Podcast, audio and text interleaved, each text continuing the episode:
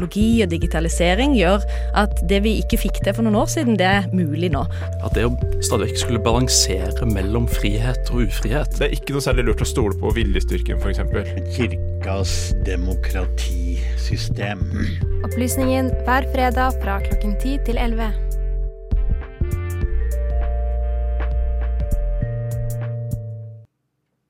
Ja, India har nå tatt over Kinas befolkningsantall, og India er nå det mest folkerike landet i verden. Og det som jeg har bitt meg litt fast i, er jo at eh, India har ikke blitt så mye snakket om. Og det er litt rart, egentlig, ja, med tanke på at det er verdens mest folkerike land. Og det har vår reporter Benjamin Nordtømme også tenkt på, og han har laget en sak om eh, det som skjer i politikken i India akkurat nå. Og den saken får du høre her. Kanskje fikk du det med deg, men jeg sier det likevel. Helt på tampen av forrige måned ble India, ifølge estimater fra FN, verdens mest folkerike land. Så lenge du og jeg har levd, er det Kina som har hatt denne rollen. Men med all denne medieoppmerksomheten India har fått i det siste, er det kanskje riktig tidspunkt å prøve å forstå mer om denne asiatiske giganten, og hvor man er på vei. Bli med meg inn i politikken i verdens største demokrati. Vi begynner på toppen. Narendra Modi er Indias statsminister på niende året. Modi representerer partiet BJP, Bharatiya Janata Party, en koalisjon som ligger til høyre på den indiske politiske aksen. De har sine kjerneområder nord i landet, i Indias tettest befolkede stater. Om disse bruker man gjerne forkortelsen Bimaru, som står for Bihar, Madhya Pradesh, Rajasthan og Uttar Pradesh. I den sistnevnte staten bor det 240 millioner mennesker. Det er mer enn Frankrike, Tyskland og Storbritannia til sammen. Her oppe har de aller fleste språket hindi som morsmål, eller språk som er ganske beslektet. I avisene, på alle mulige kart og meningsmålinger, så assosierer man BJP med safran, altså oransjefargen med hellig status i hinduismen. For det som nettopp er det sentrale i BJPs partiprogram, er hindunasjonalisme. Og hva er egentlig det? The Indian government is revising textbooks and creating controversy for its choices on what to leave out. Gone are references to Gandhi's opposition to Hindu nationalism and chapters on the Mughal dynasty of Muslim rulers. Helt vesentlig for hindunasjonalister skal Indias rolle være som arvtaker av en eldgammel, vidunderlig sivilisasjon. Og aller helst bruker de ikke navnet India. Nei, India, det er Bharat.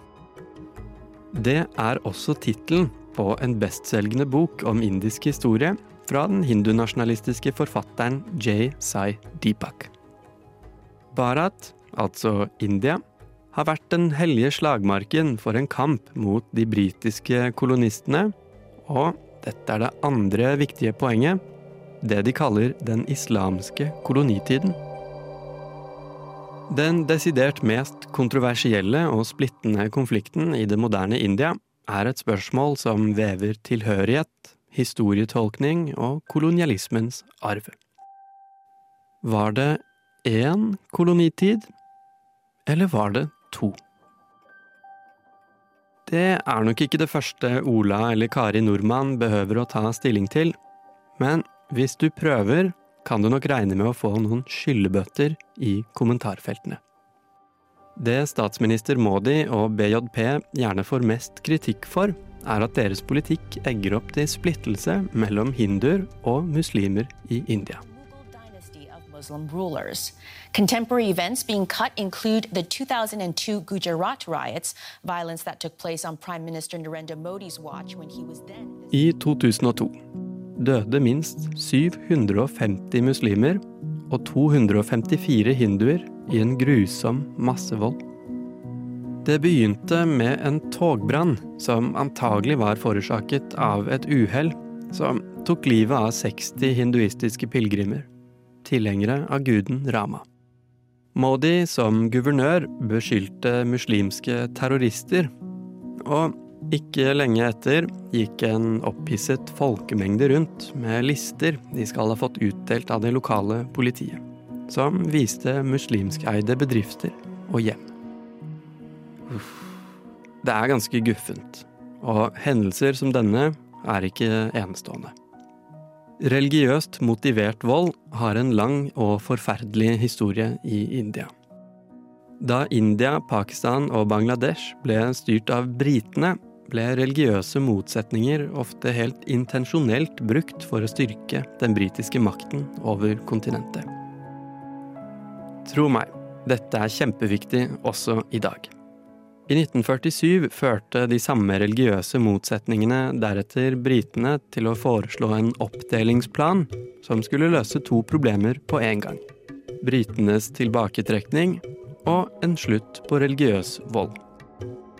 Sir Cyril Radcliffe, en britisk advokat som aldri hadde vært øst for Paris, fikk i oppgave å tegne kartet. Resultatet ble Pakistan i vest, en offisielt muslimsk stat, India i midten, som en føderal og sekulær stat, og på den andre siden Øst-Pakistan, eller Bangladesh som vi kjenner det. Men det høres ut som en digresjon, nok et sidesprang fra indisk politikk i dag. Det er det ikke, kjære lytter. I et historisk perspektiv er de regjerende hindunasjonalistene egentlig et avbrekk.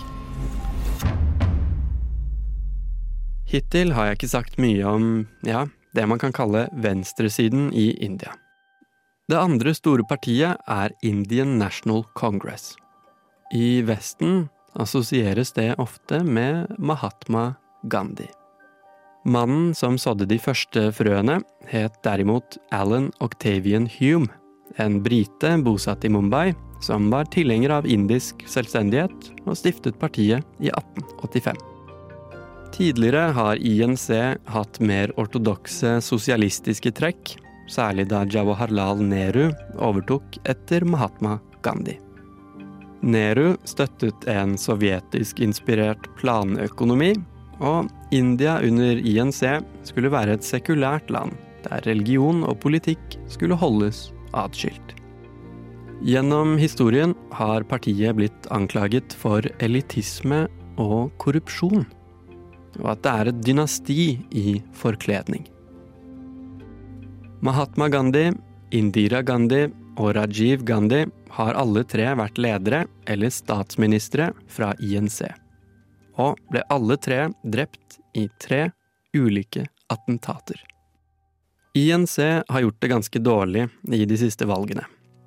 I 2019, etter at Rahul Gandhi, den fjerde Gandhi, ikke klarte å kapre mer enn 19,5% i valget, ja, så har partiet byttet strategi.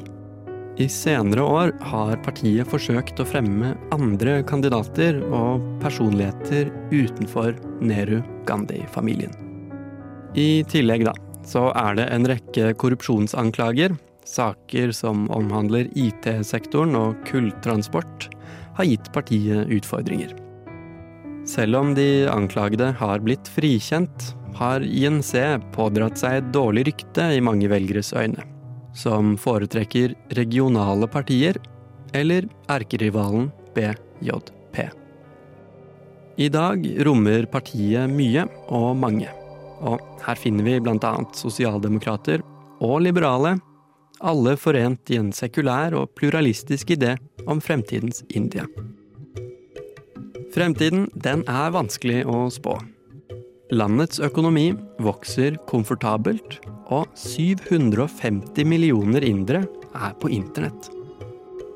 Til forskjell fra Kina, som ligger bak The Great Firewall, er Indias borgere friere til å konsumere utenlandsk media, kjøpe varer og spre sine tanker og ideer, nokså uhindret av sensur vil økonomiske og kulturelle bånd knytte India og Vesten nærmere?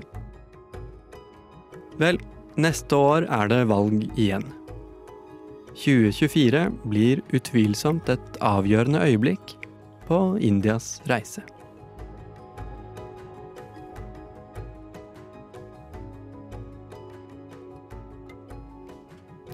Reporter i denne saken var Benjamin Nordtømme. Musikken er hentet fra Blue Dot Sessions.